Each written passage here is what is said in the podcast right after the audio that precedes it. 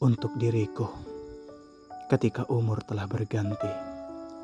Namun amalku seperti titik di kertas. Ketika tahun telah bergulir, namun solatku masih dipaksa. Ketika bulan telah purnama, namun doaku hanya tentang dunia. Ketika hari semakin berlalu, namun hafalanku masih seujung kuku. Ketika orang tua semakin menua, namun diriku masih belum bakti. Ketika masa muda semakin habis, namun langkahku hanya kesia-siaan. Dan ketika kematian sudah di ujung kerongkongan, ketika itu penyesalan sudah terlambat.